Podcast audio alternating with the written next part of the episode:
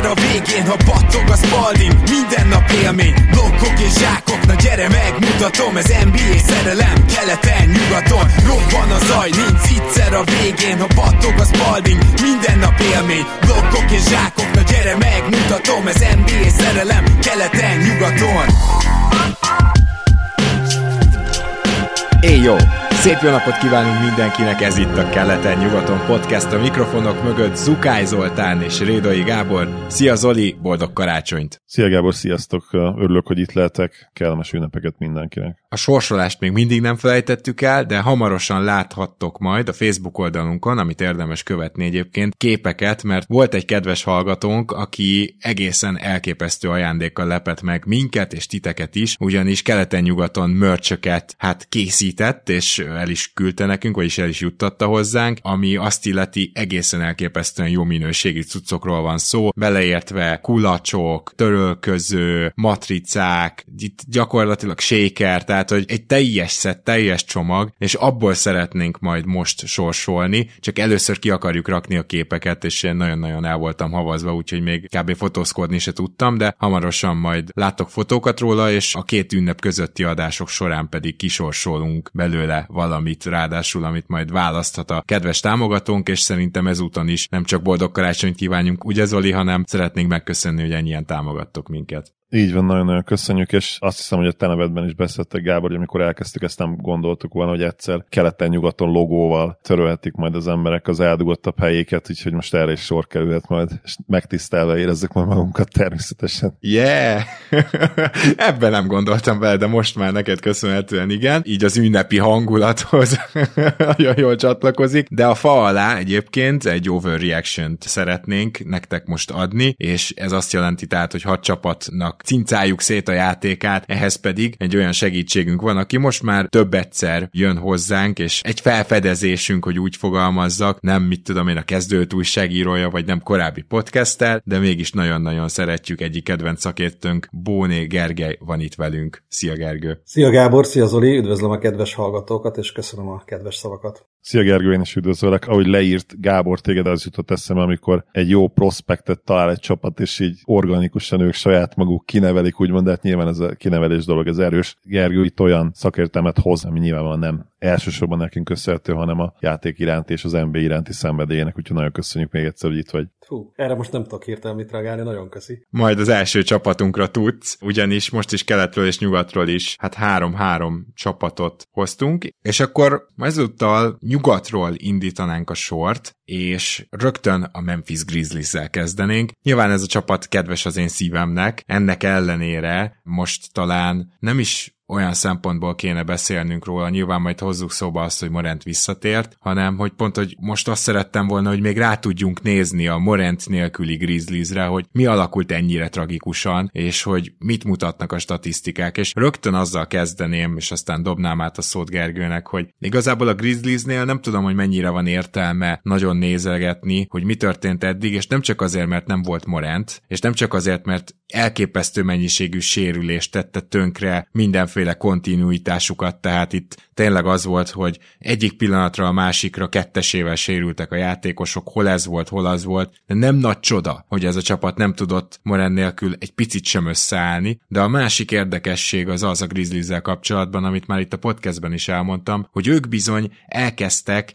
egyfajta ilyen modernizált támadójátékot, amivel teljesen felsültek. Tehát ugye az volt a lényeg, amit mondjuk a Brooklyn és főleg a Boston játszik, hogy nagyon gyorsan üres tripla helyzetet teremteni, és ezt rá is dobálták, de abszolút ritmus nélkül, és nem is mentek be, és ezt körülbelül egy ilyen 6-8 meccsig csinálták, és utána kezdtek visszaállni arra, hogy egy picit többet támadják a festéket, a gyűrűt, ami ugye a Memphis Grizzlies régebbi és jól bevált játéka volt, hogy úgy fogalmazzak. Na, azt hiszem, hogy ennek az egész káosznak a következménye, hogy 29 támadásban, miközben 8 védekezésben. Gergő, milyen következtetéseket érdemes levonni szerinted a Grizzlies eddigi játékából, ha egyáltalán le lehet bármit? Nagyon megölöm a partit azzal, ha azt mondom, hogy nincs értelme beszélni az előző 25 meccsről. Nem. Adams kidőlt az egész szezonra, Clark majdnem az egész szezonra, nem volt centerük. Kenard alig jár 8 meccset játszott, nem volt, aki dobjon. Smart szintén csak 11 meccset játszott, nem volt, aki védekezzen. Morent hiányában Rose irányított, pocsékul, majd megsérült. Ezek után Desmond Bain-től és Jalen Jackson Jr.-tól várunk mindent.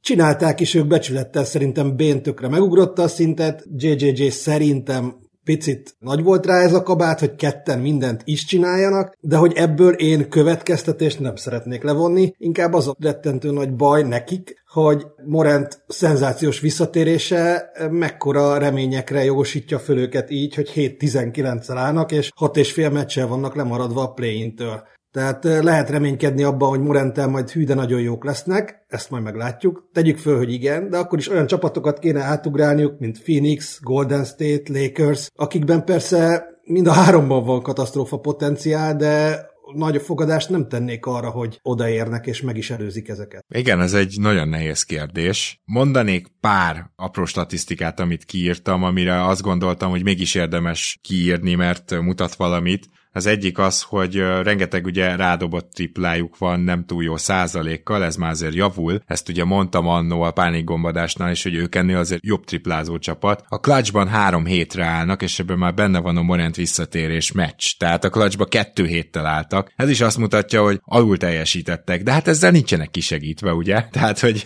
ez, ezzel ez a apró probléma. Rengeteg eladott labda, hátulról ötödikek, pont amit mondtál, hogy Rose irányított, de rosszul, aztán Gilliard irányított, de az se nevezhető irányításnak, és ugye itt gyakorlatilag az látszott, hogy nincs irányító. Mellesleg hozzáteszem, hogy Smart sem igazán ugrotta meg ezt a szintet, amikor kvázi irányítóként kezdett, szóval ez a sok eladott labda, ez nem jellemezte kifejezetten a Memphis-t, és most mégis ez volt az egyik ok, ami hátráltatta őket támadásba, és gondoljunk bele, hogy hátulról ötödikek eladott labdában, és így is nyolcadikok védekezésben. Hogy mennyire jó ez a defense, hogyha ez a két dolog így együtt igaz tud lenni.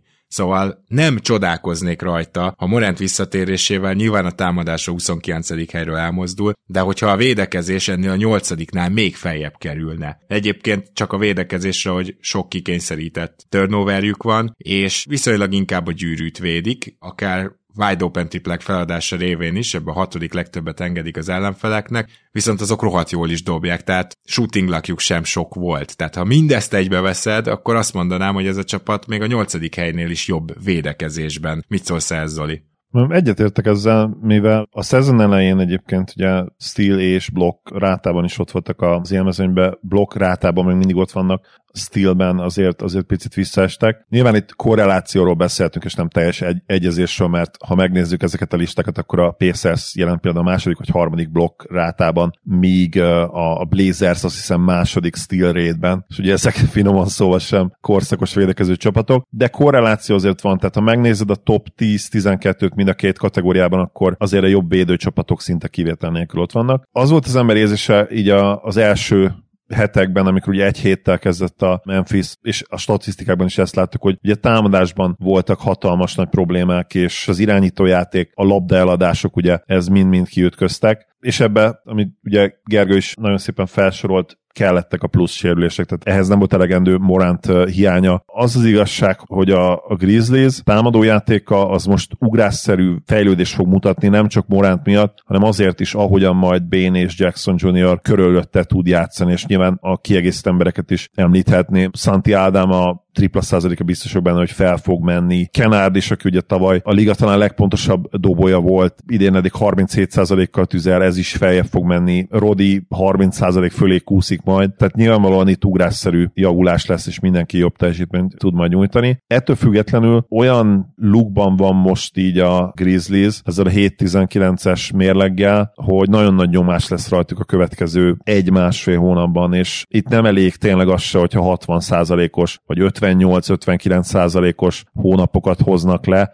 hanem ténylegesen úgy kell majd játszaniuk, mint az a 60 győzelmes roster pár éve, amelyik ugye olyan win réten volt, és nincs úgymond tényleg hiba lehetőség, még úgysem, hogyha nyilván hozzátesszük, hogy, hogy a play helyek azért még nagyon-nagyon-nagyon sokáig nem úsznának el, de egyértelműen most az kell, hogy ilyen 7-3-as, 8-2-es, 10 meccses etapokat hozzanak le, mert azért most is már a play alja azért 5 meccs különbséggel lenne elérhető, tehát ugye az azt jelenti, hogy, hogy 5 verességgel több van a Grizzliesnek most, mint például a Lakersnek, mint például a Sunsnak, akik, ha nagyon őszinték vagyunk, nem játszottak túlságosan jól eddig. Úgyhogy nagyon kíváncsian fogom figyelni, hogy a Grizzlies mikor tud először odaérni a playing közelébe, mert még ha hibátlanul is játszanak a következő egy-két hónapban, valószínűleg akkor is szerintem ilyen január végére érhetnek oda, hogy ott nagyjából a 11. hely, 12. hely környékén legyenek. A mostani 13 ugye, mert nyilvánvalóan a Blazers és a Spurs ugye marad majd mögöttük. Hát igen, megígérem, hogy más csapatnál nem fogok ennyit beszélni, de két dolgot még fel akarok hozni a Grizzliesnél, ha már minden percét láttam ennek a szenvedésnek ebben a szezonban. Szóval az egyik az az, hogy ha meg kell keresnünk a pozitívumokat, hogy ennek az időszaknak mi lett a pozitívuma, akkor egyértelműen az, hogy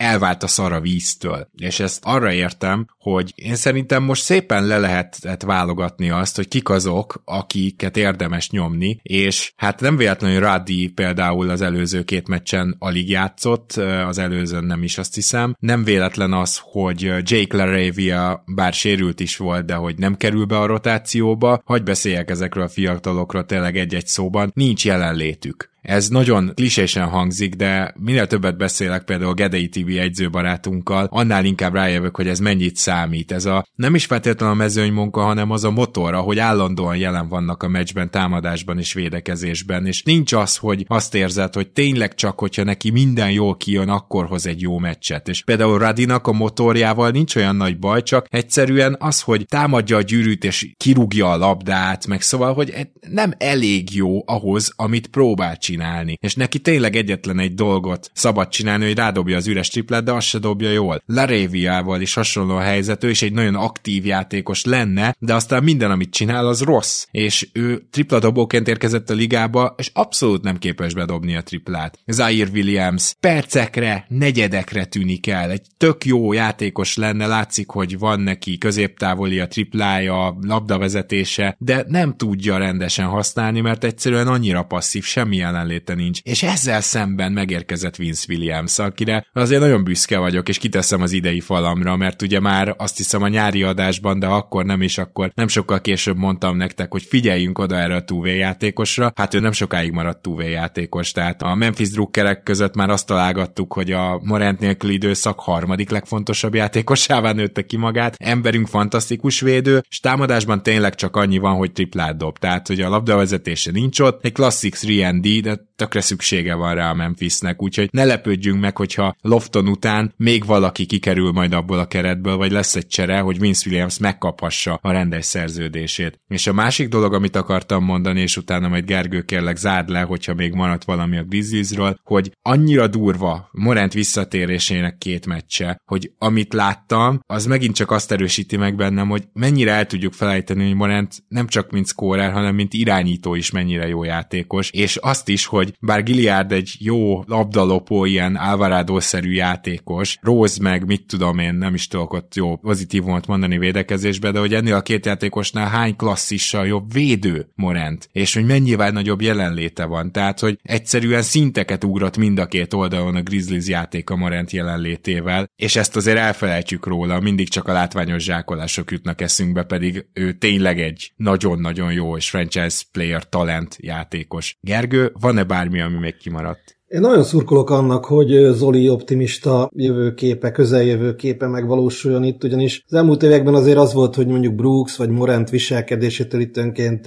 égnek át a hajunk, de különben, mint egy ilyen fiatal, fejlődő, építkező csapat, a pálya ívük azért az kedvelhető volt, ehhez képest szépen lassan nem fiatalok, ez a Morant eltiltás és ez a játék megsérülések, ez ketté törheti ezt a történetet, és nem fogjuk megtudni, hogy hova fut ki ez a történet, hogyha nem hoznak ki ebből az évből valamit pozitívat. Úgyhogy annak nagyon szurkolok, hogy így összeálljanak, és meglássuk, hogy mire is jó ez a társaság. Maradjon is nálad a szó, Gergő, a következő csapatunk kelet legelejéről a Boston Celtics, amelyik ötödik támadásban, negyedik védekezésben, 24-ek tempóban, tehát pénzben, és nagyon jól néznek ki. Igazából az apróbb sérülések, ugye Porzingis esett ki, volt, hogy Holiday nem volt, egy-két meccsre Tatum is kiesett, az apróbb sérüléseket is elbírják, annak ellenére, hogy a padjuk az egyetlen gyenge pontjuknak tűnik. Ez az a csapat, amihez én túl sok számot nem hoztam, ugyanis egyszerűen fantasztikusan jó nézni őket. Azt gondolom, Gábor, neked is lesz még számod, meg talán Zoli is tud ódát de ez az ötös, most kijött a héten a csoportban is valami statisztika, hogy a, mit, a harmadik legjobb line az egész ligában, vagy ilyesmi, de látványra nekem a legjobb line Egyszerűen gyönyörűen és szépen játszanak. Számomra meglepően gyorsan és harmonikusan beilleszkedett Porcingis. Az ő alapvonali befutásai és a neki feladott eliupok tök látványosak. Nagyon jó harmóniában játszik ez az öt srác együtt, és valami félelmetesen hatékony, és egyébként szép kosárlabdát is játszanak. Egy nagyon picit hagy vitatkozzak, engedd meg, annyiban, hogy kinek mi a szép, ugye? Ez a ténylegesen folyék egyszerűségű kosárlabda, amit a Boston játszik, ez annyiban szép, hogy nagyon ritmusban van, nagyon szinkronban vannak, és minden kialakított üres triplánál, mert a játékoknak ez a legfőbb eleme, úgy érzed, hogy az egy jó ritmus tripla. De azért, amikor egy picit elkezdenek ezzel szenvedni, akkor látszik, hogy olyan nagyon sokat nem tudnak változtatni a játékukon. Ugye, ha a statisztikát kérsz ehhez, akkor azt hiszem a harmadik legkevesebb passz meccsenként a Bostoné, asszisztban se állnak túl jól, és ez nyilvánvalóan azért van, mert ez a bizonyos egyszerű játék, ez abból áll, hogy pick and roll és pick and pop, szinte teljesen mindegy, hogy ki van a screener és ki van a labdás helyén, és ez tényleg az ötös szinte minden kombinációjában megcsinálják, de nem úgy, mint az OKC, hogy utána támadják a gyűrűt, hanem úgy, hogy keresik az üres triplát. Hogyha elkezdik támadni a gyűrűt, akkor megnézik, hogy honnan jön a besegítés, kipasz. Hogyha pick and pop, és mondjuk például csinálnak ilyet, hogy Tatum Sam Hauserrel pikent poppozik, és akkor ugye megpróbálsz besegíteni Tatumra, meg, meg esetleg ráduplázni, akkor Hauser üresen marad, és akkor megy a passz tényleg ott mellette három méterre, ott áll Hauser, oda passzolja, és akkor abból van a tripla. Tehát, hogy ez az NBA talán legegyszerűbb játéka, de természetesen, amikor ilyen five outot tudsz játszani, akkor ez egy hatékony támadási módszer, és ez nem kritika akar lenni, hogy ez egyszerű ez a játék, csak mondom, hogy mondjuk van, amit én szebbnek tartok a kosárlabdában, ők tényleg arra törekednek, hogy annyi üres triplát tudjanak rádobni, amennyi csak lehetséges és létezik, és tényleg egészen elképesztő mennyiségű triplát is dobnak rá. Zoli? Igen, én is felkaptam fejem, amikor mondta Gergő, hogy, hogy ez nagyon szép bejátszó bár számomra abszolút szép, mert ugye én, én imádom a tripla elemet a modern NBA-ben, meg a régi NBA-ben is szerettem. A régi NBA-ben talán kevésbé volt metodikus, talán kevésbé volt monoton a tripla, és egy-egy nagy hármas, ez ténylegesen egy olyan akár momentum is lehetett, ami eldöntött mérkőzéseket. Ma ezek ritkábban jönnek, illetve nagyon a meccs végén kell, hogy járjunk, nem úgy, mint régen, amikor 95 pontos meccseken mondjuk valaki másfél perccel a vége előtt bedobott egy triplát, és akkor azzal 5 ponttal vezettél, az teljesen más, mint ma. Tehát ma másfél perccel a vége előtt 5 pont, az semmi. Igazából 30 másodpercet megfordult. A Celtics kezdője, egyébként, hogyha ha minden igaz, hogyha 250, legalább 250 percet együtt töltő ötösökről beszélünk, akkor a legjobb a ligában egy majdnem plusz 20-as net ratinggel. És az az igazság, hogy ha megnézzük ezt a játékstílust, és felmerülnek esetleg kérdések, próbálunk belekötni a Celticsbe, akkor valószínűleg ez lehet, hogy kérdőjeles az, hogy a play ban és ha visszagondoltak tulajdonképpen már a 22-es döntőben is ezt láttuk sokszor, hogy nagyon attól függ tényleg a csapatnak a sorsa, hogy beesnek-e azok a fránya triplák, és nyilván ezt ma kb. mindenkiről elmondhatjuk, és nekem is volt olyan elméletem, hogy mi pont utána meg is dőlt egyébként a Mavericks Warriors párharcba abban a bizonyos 22-es konferencia döntőben, hogy ha egy csapat 20 triplát legalább, vagy 20 környékén dob, 40%-kal, akkor az gyakorlatilag ma már nem tud meccset veszíteni, és utána a Mavericks egyből elbukta azt a meccset, amikor 22 triplát dobtak be, és legyilkolta őket a Warriors ugye lepattanózásban és festékpontokban. Nyilván a Celticsre sem lehet azért azt mondani, hogy, hogy egydimenziósak, bár ha egy valamiben egyértelműen fejlődniük kell az a büntető kiarcolásra, mert jelen pillanatban ugye 22-ek a büntető kiarcolási rátában, viszont ez az ötös, ez, ez egészen szenzációs, és azt külön ki akartam emelni, hogy Drew Holiday mennyire jól felvette ezt a szerepet, és ez egy nagyon fan statisztika, és komoly érdekesség, nem is hiszem, hogy bárki ezt megtippette volna, illetve aki nem tudja, az rá fog csodálkozni, hogy Halidénak tegnap előtti, vagy tegnapi meccsen fordult elő először, hogy a tavalyi átlag pontját legalább megdobta egy meccsen, hogy a tavaly 19,3 pontot átlagolt, és most volt, nem hihetetlen, hogy december legvégén volt az első mérkőzése a Celticsben, ahol legalább 19 pontot dobott. Ebben nyilván benne van persze az életkor, és az, hogy beszélünk már arról, hogy támadásban már nem annyira dinamikus, mint régen, de egyébként a százalékai nagyon rendben vannak,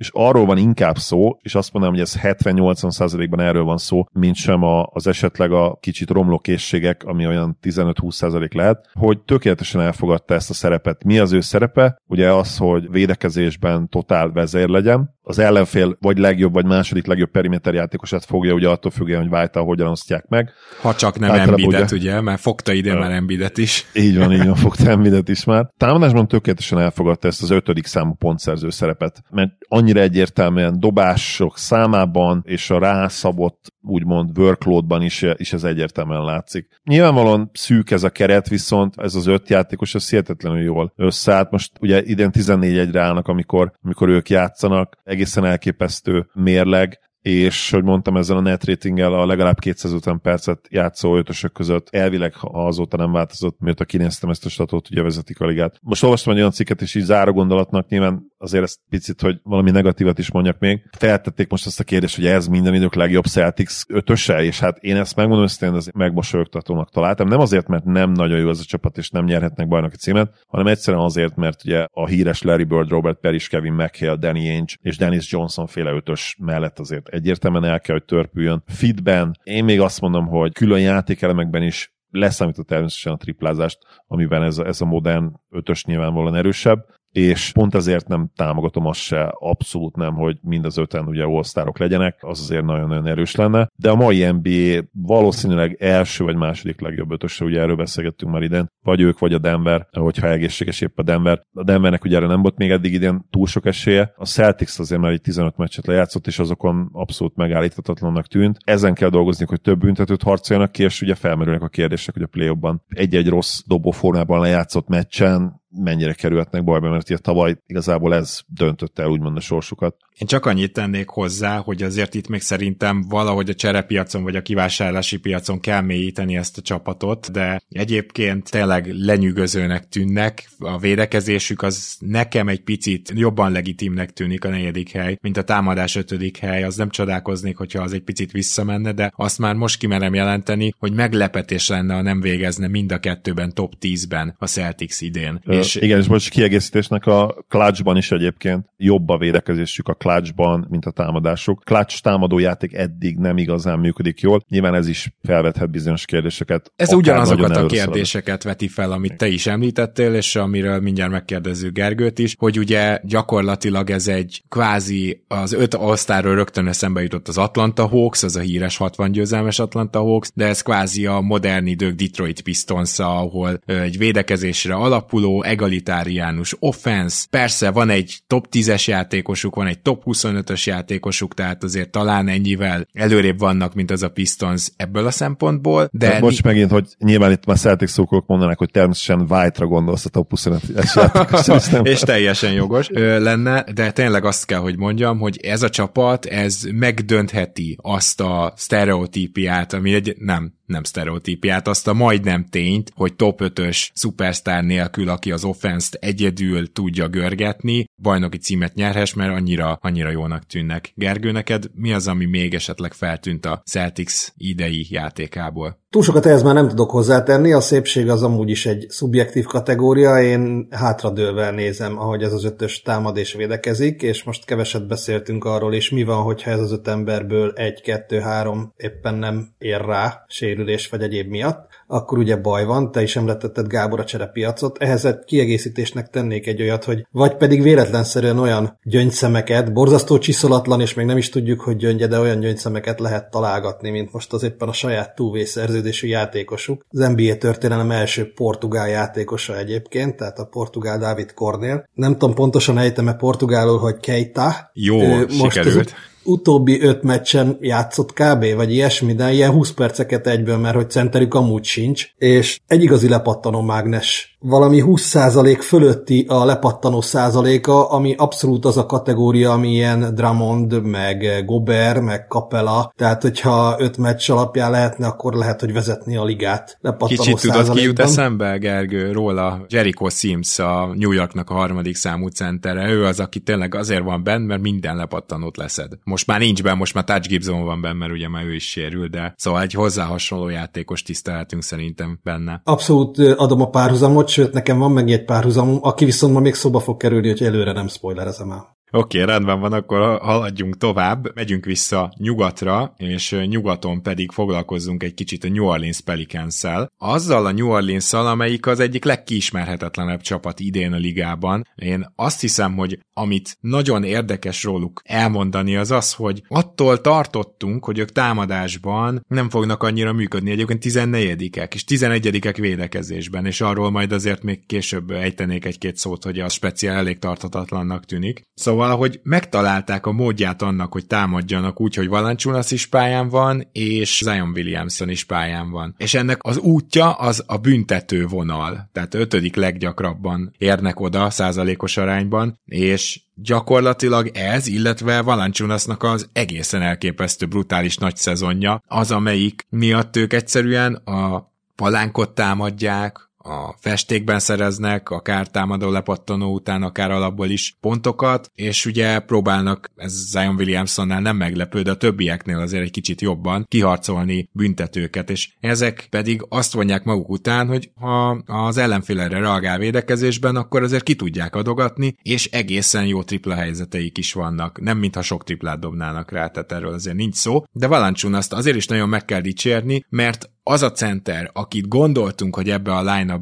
jó lesz, Larry Nance Jr., gyakorlatilag nem áll rendelkezésre ebbe a szezonba és Valanciunas pedig így is viszi őket néha a hátán, tehát hogy itt most tényleg olyan szinten van az ember, hogy lehet, hogy harmadik legfontosabb játékos. McCallumnak nincs azért igazán nagy szezonja, Ingramnek nagyon jó meccsei vannak, de szokás szerint nem tud teljesen kiegyensúlyozottan teljesíteni, szóval ez nem egy modern offense, de egyelőre működik. És ez is megkérdőjelezhető, mert amúgy csak 14 nyilván nem extra, de a védekezés is arra majd visszatérnék, de akkor most Gergő kezd megint te kérlek. Mit látsz a New Orleans pelicans kapcsolatban? Azt, hogy tök jó, hogy említetted azt, mert hogyha Trey Murphy-nek az utóbbi két meccses vagy három meccses visszatérését nem számítjuk, akkor Valanciunasnak a legjobb, a legjobb a csapaton beli offenzív ratingje, és a legrosszabb a csapaton belüli defenzív. A legjobb és a legrosszabb elő-hátul. Ezek után döntsd el, hogy mennyire hasznos ő a csapatnak, és hogy nyáron lejáró szerződésével mit fogsz kezdeni. Szóval szerintem ezek ilyen nagyon-nagyon-nagyon vicces és érdekes dolgok. Megkallom megvédeni egyébként, mert leszámítva, hogy szegénynek összeesik a tüdeje, ami igazán rémisztően hangzik. Egyébként 44%-kal triplázik, és szerintem a karrierjének legjobb dobó formáját hozza.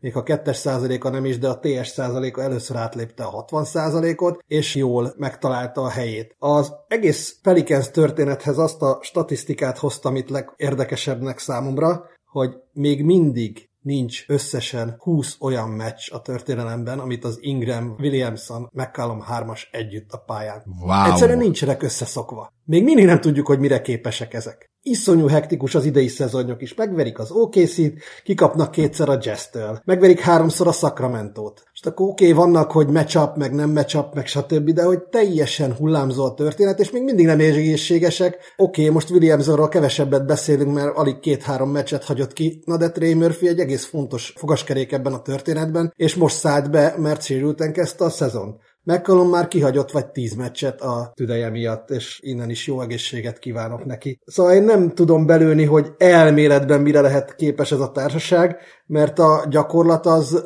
borzasztó volatilis, és látunk tőlük nagyon szép dolgokat, időnként meg a Benny Hillzerét is alájuk lehetne tenni.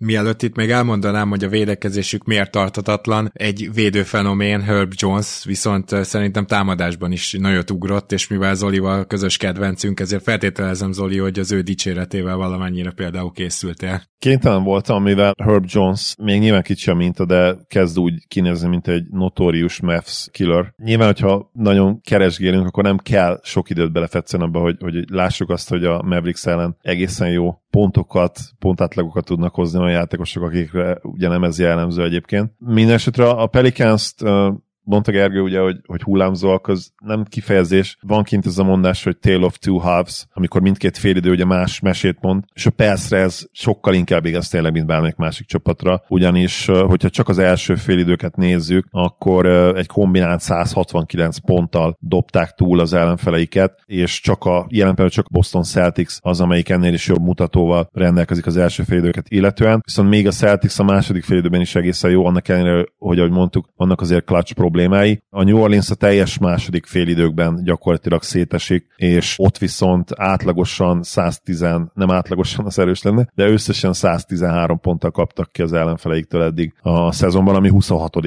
helyen szerepelne az NBA-ben gyakorlatilag amit és ahogy Green mond az elmúlt időszakban, nekem megmondom, az sem feltétlenül szimpatikus. Olyan nyilatkozatai vannak, amik picit így áthárítják a felelősséget saját magáról. Most például a Grizzlies elleni meccs után, amikor hát felvetették neki, hogy miért nem duplázta Morantot a végén, akkor hát így eléggé elhessegette magától ezeket a kritikákat, és feltette azt a ami persze félig igaz, de mégis kicsit ilyen mellébeszélő választ adott azzal, hogy ami igaz, de tényleg kicsit mellébeszélés, nehéz megfogni, hogy feltett a kérdés, hogy nyertünk, nem nyertünk, így igen, persze meg kell fogalmazunk valami kritikát, meg kell néznünk, de ha nyertünk volna, akkor most senki, nem kérdezné meg tőlem, hogy miért nem dupláztuk Morentet, ha nem pattan be az a labda. Nyilván ebben van igazság, de nem szimpatikus számomra, amikor egy edző ezt mondja, mert kicsit azzal így számomra azok az edzők szimpatikusabbak, akik akkor is akár magukra vállalják a verességet, amikor egyébként nem az ő bejük lenne. Viszont van egy érdekesség, amit nézni kell most már. Ugye megint kijöttek olyan hírek, hogy Zion nem hajlandó követni a csapat utasításait, kéréseit, meg a, a, ami a dietetikust és a, ugye az étrendet illeti. És Mike Vorkonov lehozta a minap, konkrétan azt hiszem egy napja, hogy állítólag az a szerződés, aminek ugye a pontos részleteit nem tudjuk, az olyan szinten keményen magában foglalja tényleg a, a testzsír százalékot és az egyéb súly követelményt, amit, amit elvárnak Ziontól, hogy azt írta, hogy a következő szezon utáni három év még, tehát három év lesz még a következő szezon után, az egyáltalán nem lesz már garantált, és kirakhatják állítólag zion úgy, hogy semmi, egy petákot ne kelljen utána fizetni az utolsó három évért.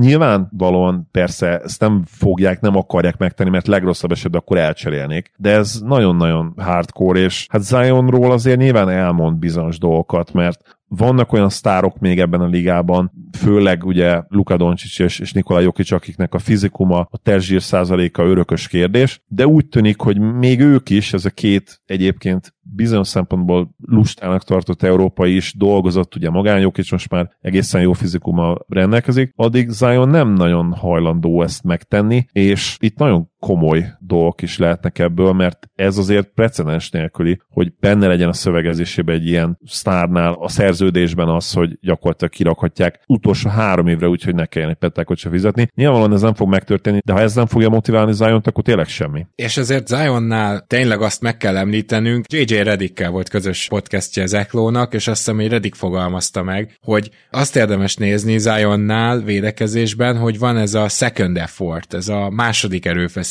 amikor az első akció, amiben védekezésben részt vesz, mondjuk egy pick and roll levédekezése, hogy oké, okay, az akkor nem sikerült, hogy utána mennyire kapar, mennyire rotál tovább, vagy például mennyire próbál visszatérni az ember elé. Tehát, hogy ebben ő egészen tragikus. Tehát az ő védekezése az nem csak arról szól, hogy nem túl jó egy-egy védő. Nem csak arról szól, hogy nem figyel mindig oda, hogy hol kéne lennie, pedig most már tudnia kéne mindent, amit erről a játékról az alapszakaszban lehet. Hanem arról is, hogy egyszerűen ő azért, például azért szörnyű pattanózó. Tehát ilyen testtel nem lehet ilyen védő pattanózó egyszerűen, és ez mondjuk nem csak a súlyának köszönhető, hanem annak, hogy ő neki ez a motor, ez nincs meg. Ez a koncentráció, ez így tart egy picit, aztán utána már megint azt az ilyen mosolygós gyereket látjuk, aki így végigmozizza, hogy mi történik. Szóval ezek például olyan dolgok, ami nélkül ez a csapat nem fog tudni felemelkedni, úgyhogy erre még külön is beszélhetnénk sokat, de gyorsan el akarom mondani azt, hogy hát védekezésben, igen. Tehát, hogy konkrétan távol tartják a gyűrűtől az ellenfelet, ami jó ismert elég rossz gyűrűvédők, de cserébe a hetedik legtöbb wide open triplát engedik az ellenfeleknek, de azok csak 37%-kal dobnak ebből, na most az átlag olyan 39 és fél, a wide open triplákról beszélünk, úgyhogy ne lepődjetek meg, kedves hallgatók, a magas számon, és a legtöbb open triplát engedik az ellenfeleiknek, ugye ez a wide open-nél közelebb, de azért még kényelmesen eldobható tripla, így fogalmazhatjuk meg, és ott már nagyon komoly shooting lakjuk van van, ott meg már csak 32%-kal dobnak az ellenfelek. Összességében azt mondhatjuk, hogy ennek a csapatnak eddig hatalmas szerencséje van azzal, hogy hogy dobnak a szembejövő csapatok, és hogyha ez egy picit visszaáll, vagy egy kicsit így az átlag felé megy, akkor ez a védekezés ez egyáltalán nem lesz 11 hanem ez is kicsit visszább süllyed, úgyhogy ha tippelnem kéne, akkor a Pelicans lejjebb lesz ennél a szezon végére. Gergő, bármi van-e még, vagy mehetünk tovább? Egy nagyon-nagyon apróság emlékeim szerint a tavalyi újonc Dyson Daniels talán neked, Gábor,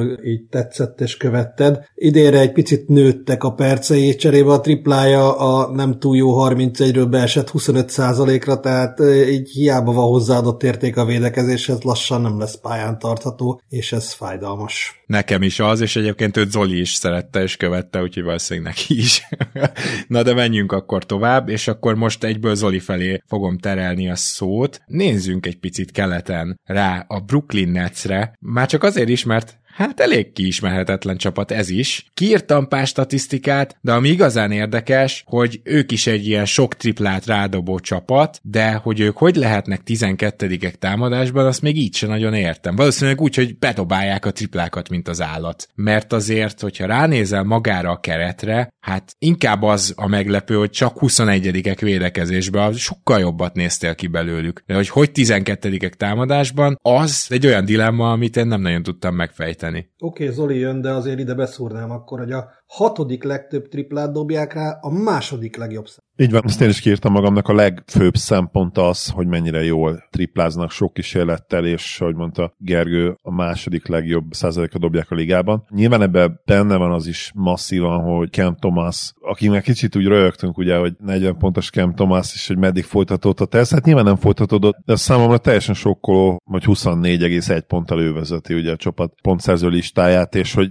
mennyire le van maradva tőle az a Mikael Bridges, akitől hát ennél sokkal jobb szezont vártunk. Tehát az, hogy neki 16,9 dobás jut a tavalyi, igaz, hogy fél szezon, még talán annyi se 30 valány meccs után, de hát basszus azért én nem egészen értem itt a megosztást. Tehát ez, ez számomra egy picit fura. Igen, és, de, de közben tegyük hozzá, hogy működik, szóval azt kell, hogy igen. mondjam, hogy ez a támadó teljesítmény, ez alapján ezt nem lehet felrólni gyakorlatilag vonnak. Hát azért itt azért én beszúrnám, hogy igen, támadó támadó oldalon működik, a tavalyi 16 perc alatt játszik kétszer annyit, ami alatt két és félszer annyit dob rá Cam Thomas, és mindeközben a messze a legrosszabb védő az egész csapatban. Neki az on-off net ratingje mínusz 12, amivel szintén a legrosszabb az egész csapatban, úgyhogy én nem igazán értem ezt a Cam Thomas jelenséget, mert hogy sokkal többet veszel hátul, mint amennyit elő hozzáad. Sőt, és bocs, beszél... tehát, hogy a legrosszabb védő nem biztos, hogy az egész csapatban, tehát, hogy nem tudom hány percet fog végül átlagolni, de az egyik komoly jelölt az Isaiah Thomas díjunkra. Abszolút, abszolút, és egyébként a, hozzá kell tenni azt is, hogy a, a triplázások azért nyilvánvalóan tartatatlan ezen a szinten, mert az, hogy Lonnie Walker majdnem 6 kísérlete 46%-kal triplázik, az, hogy Dodo, Dorian Dodo, bizony, bizony. 44 és már úgy vissza is esett, ugye majdnem szintén 6 kísérlet, Roy Sonil 6 kísérlet, 38 os triplázás, és én ide venném Cam thomas is, azért ők mind-mind valószínűleg vissza fognak esni. Ugye Cam Thomas, bár nem rossz triplázó, de eddig soha nem volt még olyan szezonja, ahol ennyire jól dobott volna ilyen kísérlet mellett. Viszont róla azért tudni kell, hogy ő nem volt jó shooter az első évében, tehát én erre abszolút nem vennék még mérget. És viszont, ha a triplát úgymond elveszett, ha az visszaesik, ami várható, akkor nagyon nagy kérdés, hogy mi fog maradni, mert 16-ak ugye effektív mezőny százalékban, ami azt jelenti ugye, hogy nem nagyon van midrange game, nem nagyon van midrange játék, nincsenek olyan játékosok, akik nehéz dobást relatíve magas jó százalékkal tudnak a félpás támadásoknál értékesíteni, és nincsen festékbeli jelenlét sem támadásban, amit az is jelez, hogy 29-ek, ami a büntető kiharcolási rátát illeti. És ugye beszéltünk a védekezésről, onnan is kijön ez, és ugye Cam Thomas szerepe is valószínűleg, hogy Gergő mondta, hogy ellenük adják el a ligában a legkevesebb szer a labdát. Ezt most még relatíve jól tudják kompenzálni azzal, hogy jól vigyáznak is rá, de miért tudnak jól vigyázni a labdára? Ez is azért, mert nincsenek egyszerűen olyan játékosok, akik meg tudják úgy igazán bontani a védekezést. Nagyon kevés az ilyen játékos a keretben, és most Ben Simmonsról olyan híreket hallunk, hogy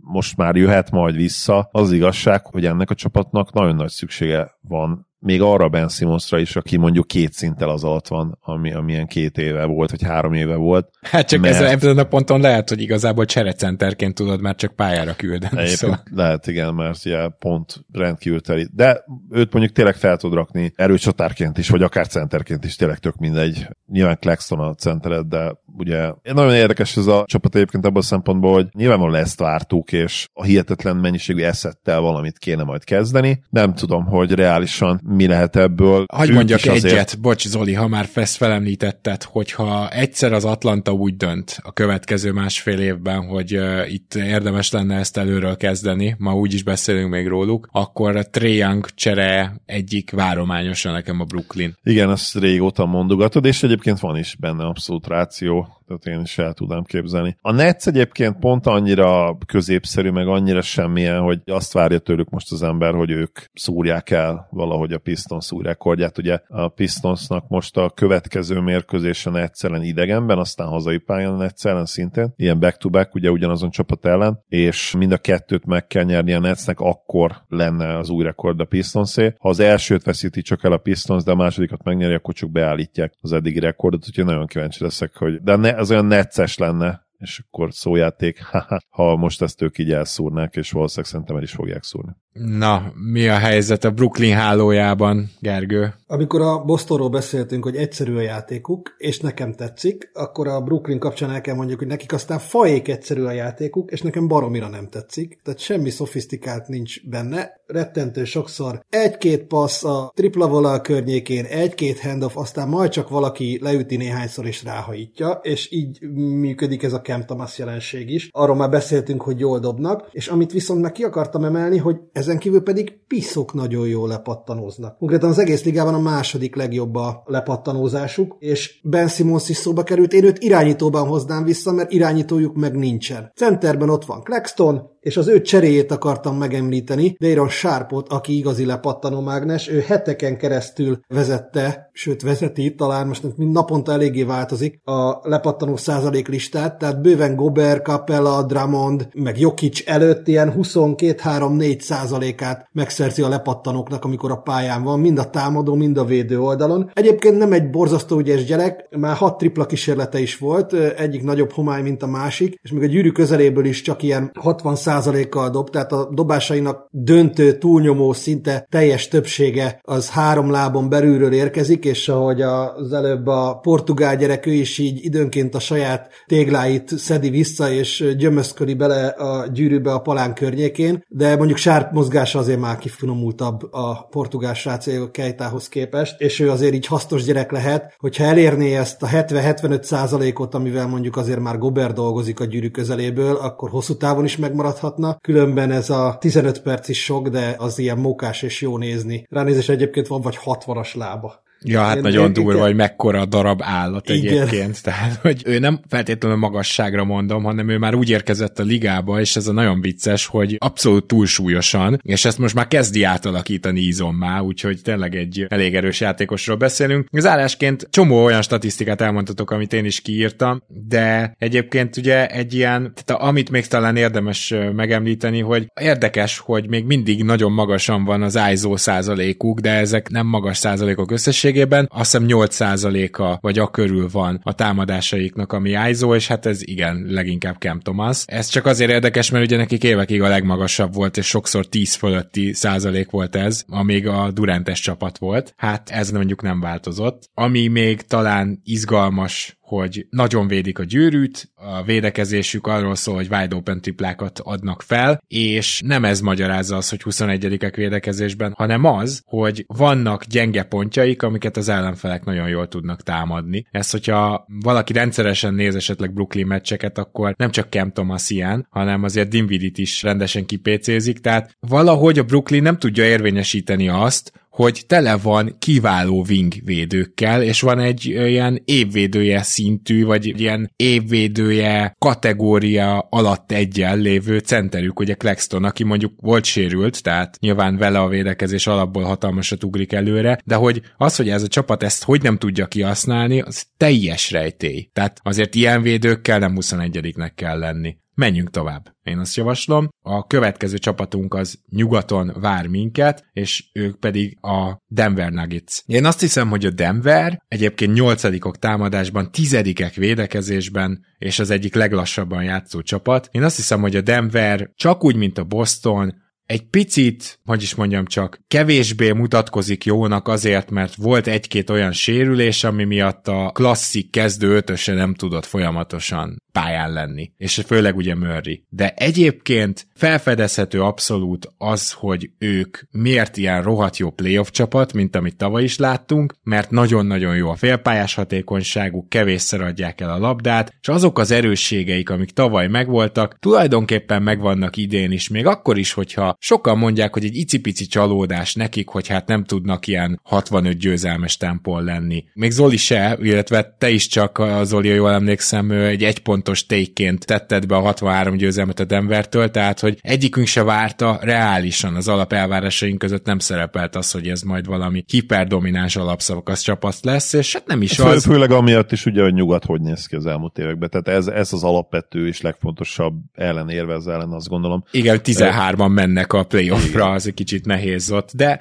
nem csak ez, hanem az is, hogy a nyolcadik támadásra azt mondja az ember, hogy az lehet jobb, a tizedik védekezésre azt mondja az ember, hogy ez tényleg a maximum, az lehet rosszabb, de nagyjából azért ott vannak, ahol a helyük van szerintem. Nem biztos, hogy megnyerik az alapszakaszt, de a playoffban még mindig tőlük kell legjobban félni majd a nyugati konferenciában. Teljesen egyetértek ezzel a bevezetővel, szerintem a nyári várakozásunk az alacsonyabb volt, mert hogy az a reális, hogy egy bajnok most mi a francnak teperjen, viszont olyan jól kezdték a szezont eredményesség szempontjából, ugye 8-2-vel álltak 10 meccs után, hogy akkor talán könnyebben elhittük, hogy ó, hát itt nem lesz itt semmilyen bajnoki másnaposság, meg ilyesmi, végig hasítanak akár 60 győzelemmel, és most egy picit visszaestek, no és kit érdekel, éppen az aktuális bajnokok baromira tudják, hogy hogy kell nyerni, legyenek egészségesek a kezdődben mindannyian, mindannyian. Nézzük meg, hogy akkor Christian Brown, Peyton Watson tud-e valamennyit fejlődni. Itt majd kíváncsi vagyok Zoli véleményére, azért jobban látja őket. Szerintem Brown az tök okés,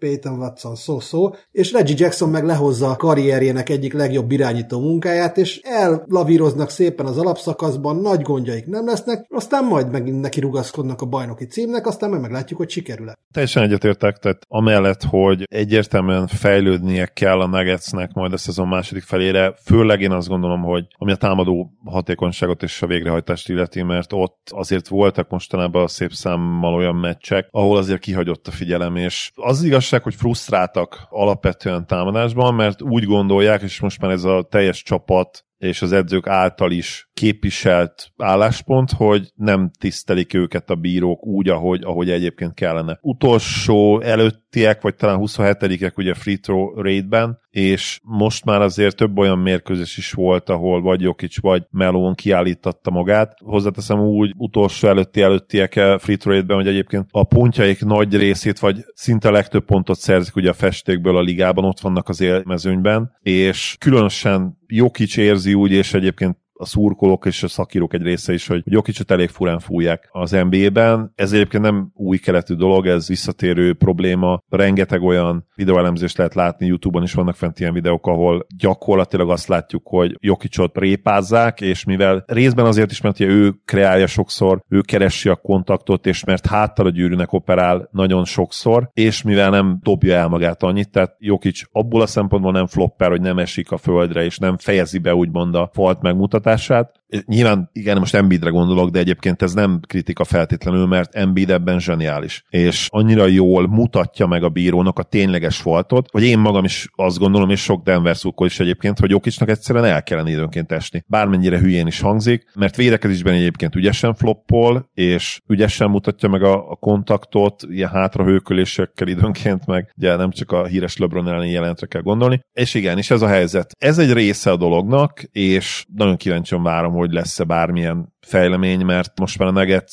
eljutott odáig, hogy rendszeresen küldenek videóanyagokat a ligának, úgyhogy, és tényleg ez nem egy ilyen átlagos sírásnak tűnik, hanem van valami mögötte, és most itt erre, nyilván nem arra gondolok, hogy rendszer szinten csalnak a Nuggets ellen, mert, mert a Nuggets az nem tudom. Nem, ez, ez tudod, ez hasonló jelenség egy picit, mint a Golden State-nél volt. Persze a Golden State jóval kevesebbet fejezett be a gyűrű közelében, de csak a Golden State is, ahogy a Denver is, szóval, hogy nincs az a klasszikus gyűrűtámadás egyik egyik csapatjátékában sem. És egyszerűen az van, hogy sokkal inkább könnyebben fújnak bele a bírók a sípjukba egy drive-nál, mint akár egy posztapnál, akár egy ilyen cutból, hátsó befutásból megkapott labdánál, hogyha ott valaki felmegy és ott ütközik egyszerűen. Ez Persze, egy, ez egy évek óta tartó jelenség a ligában, így fújják. Igen, igen, és tényleg, hogyha megnézitek ezeket a videókat, amiket összeraktak, hogy sokszor annyira egyetemű end van, nem fújnak be, tehát hogy elcsapják a karját, de valahogy mégis más az a szituáció, amikor felmegy egy centerezés után, valahogy ezeket nem fújják be annyira, és az okot nem tudom egyébként, mert ezek is szerintem azért látható faltok,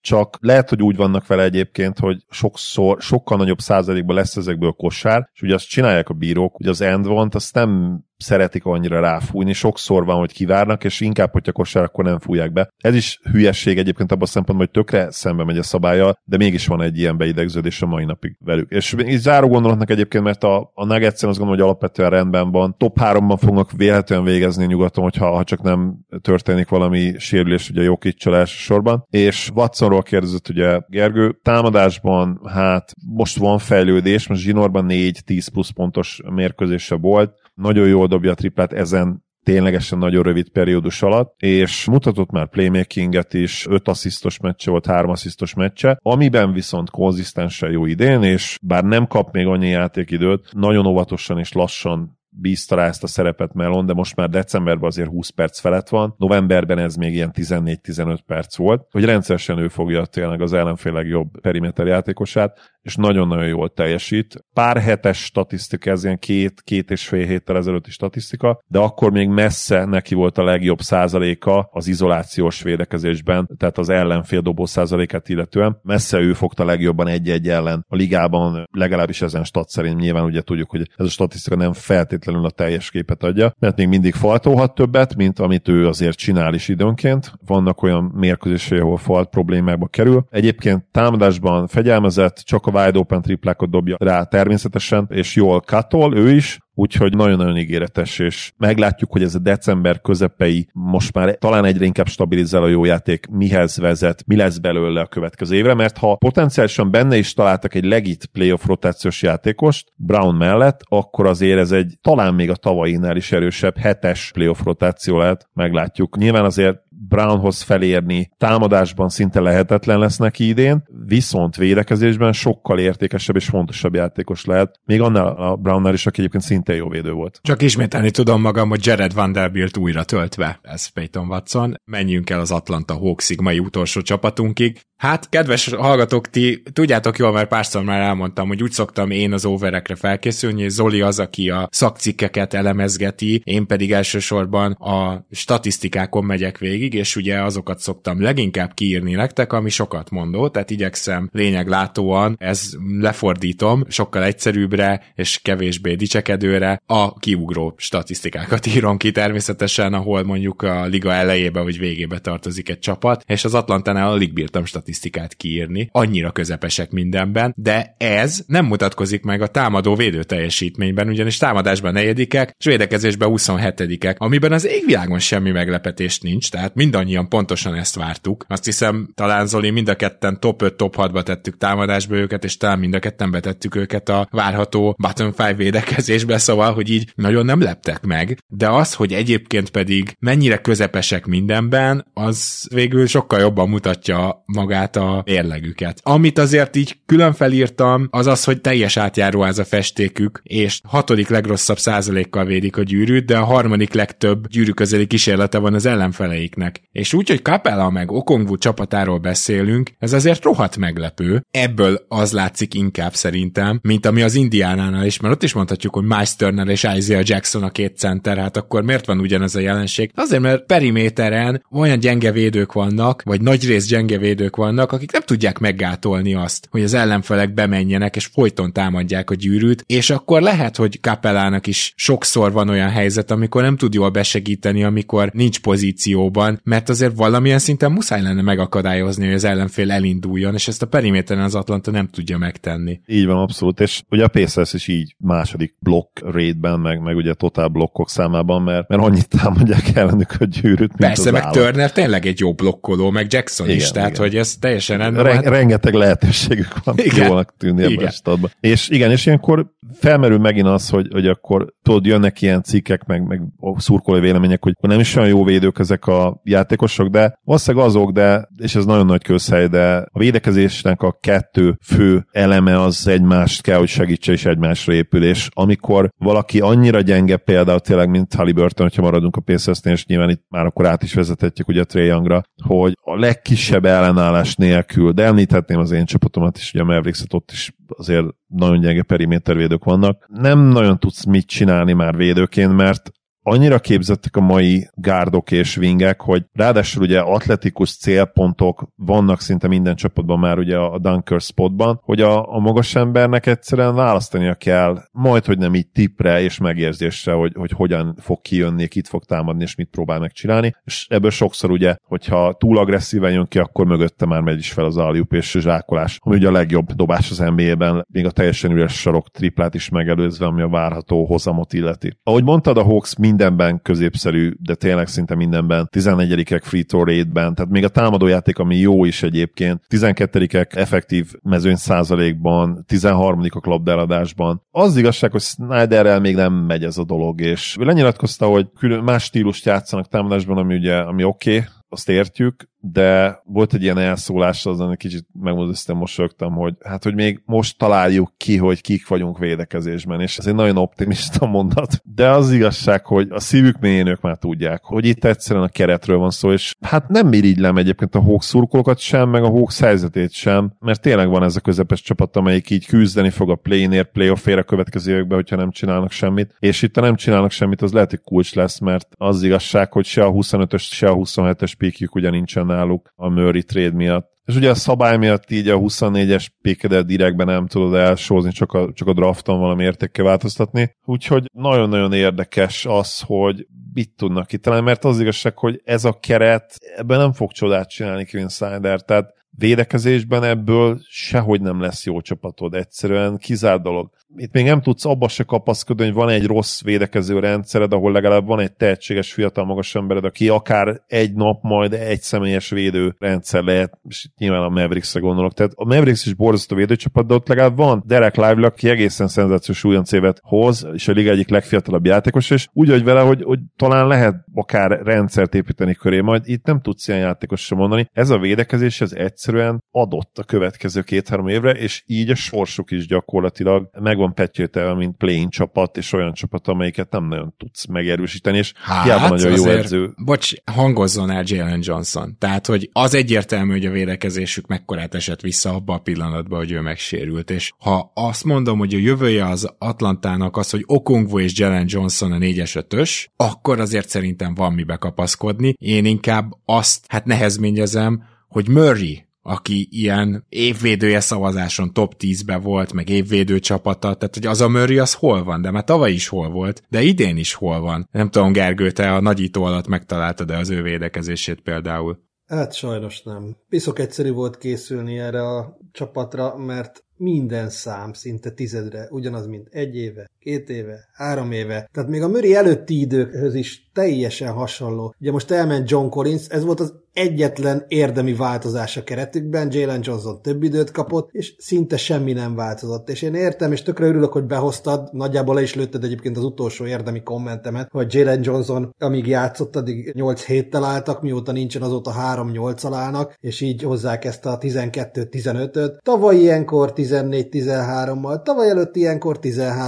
13-14-el álltak. Idén az offenzív ratingük a negyedik, tavaly negyedik, tavaly előtt harmadik. A defenzív ratingjük idén 27 tavaly 25 tavaly előtt 26 Minden ugyanaz a szürke, unalom, edzőcsere, semmi nem segített rajtuk. Hát és egy nagy csere, tehát az, hogy behozták tudod Murray-t, ez nem igen, lehet... Változott, igen, csak azon gondolkozok, ez nem lehet csak Trae Young. Így itt, van, így van, így van. Itt azért vegyük elő Hunter-t, aki védekezésben nem tud az lenni, akit vártak tőle, szedik be egy katasztrofális védő, szóval, hogy így itt vannak ilyen tehetségesnek tűnő, meg atletikusnak tűnő wingjátékosok, akik nem jó védők. Ez is kell hozzá, az, hogy Murray alulmúlja magát, vagy, vagy ne tudja ezt hozni, az is kell hozzá, és támadásban negyedikek, szóval ezért aztán meg lesz az 50% körüli történet, csak hogy ebből hogy lehet följebb kapcsolni, nem csak és kizárólag Trae van a baj, bár olyan a csapat, amilyen ő, jó támadó és rossz védő, és értem, hogy rá a legkönnyebb ráhúzni, meg a legkönnyebb azt mondani, hogy Triangle mindig ilyen lesz a csapatod, de én biztos vagyok benne, hogy ennél még jobban körül lehet optimalizálni, hogyha Triangle köré megpróbálsz csapatot építeni. Szerintem mindannyian egyetértünk abba, hogy Triangle, mint legjobb játékos, egy bajnokcsapat első opciójának ezen a ponton már hát több mint kétes tehát ezt értem, csak azt akarom mondani, hogy nem mindent fogjunk rá szerintem, és Snyder egy jó egyző. És Capella, meg Okongwu, meg Jalen Johnson, meg jó védők 4-es 5 poszton. Tehát azért itt meg kell találni azokat a játékosokat, akikből valahogy ez az egész ökoszisztéma védekezésben keveset hoz ki, támadásban meg sokat. Például ugye Bogdanovics is ilyen, aki hihetetlen durva jelenlét tud lenni a padról, tehát az ember az úgy dobja a triplákat, hogy tudjátok, vannak azok a játékosok, akik megkapják dobják, és akkor leviszik, hogy lentről, na, Bogdanovics mondjuk elkapja fönt a feje fölött a labdát, és egy tized másodpercen belül már eldobja, és bemegy. Szóval, hogy itt vannak kiváló támadójátékosok, szerintem ezen a kereten még tovább kell alakítani, és érdemes még egy picit próbálkozni, mielőtt az egészet szétbontod a csába.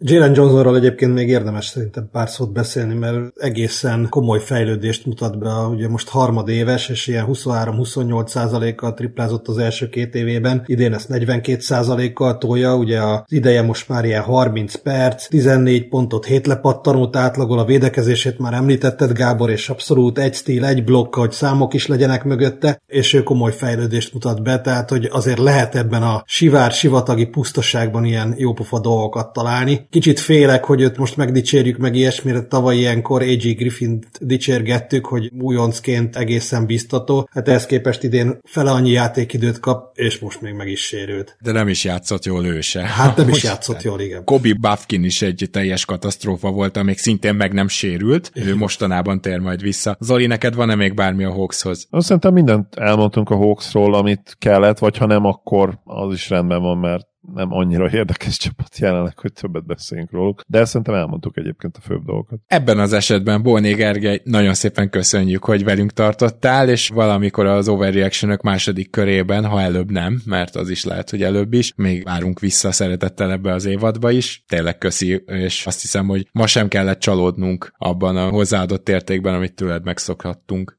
Köszönöm a meghívást, nagyon jól éreztem magam. Sziasztok! Én is köszönöm, hogy itt voltál, Gergő, és örülök, hogy itt lettem. Szia Gábor, sziasztok! Kedves hallgatók, mi pedig boldog karácsonyt kívánunk így testületileg még egyszer vágónk nevében, minden vendégünk nevében és saját nevünkben. A két ünnep között persze jövünk, ha minden igaz, akkor két adással is, és az sem lehetetlen, hogy végre a YouTube-unkra is majd érdemes ránézni, legalábbis a következő egy hétben azért van erre némi esély.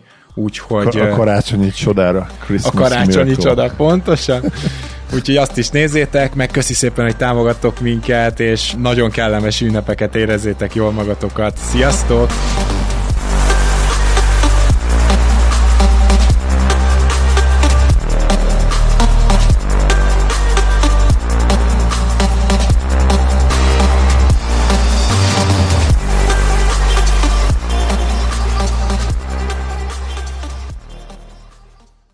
Ha más podcastekre is kíváncsi vagy, hallgassd meg a Béton műsor ajánlóját.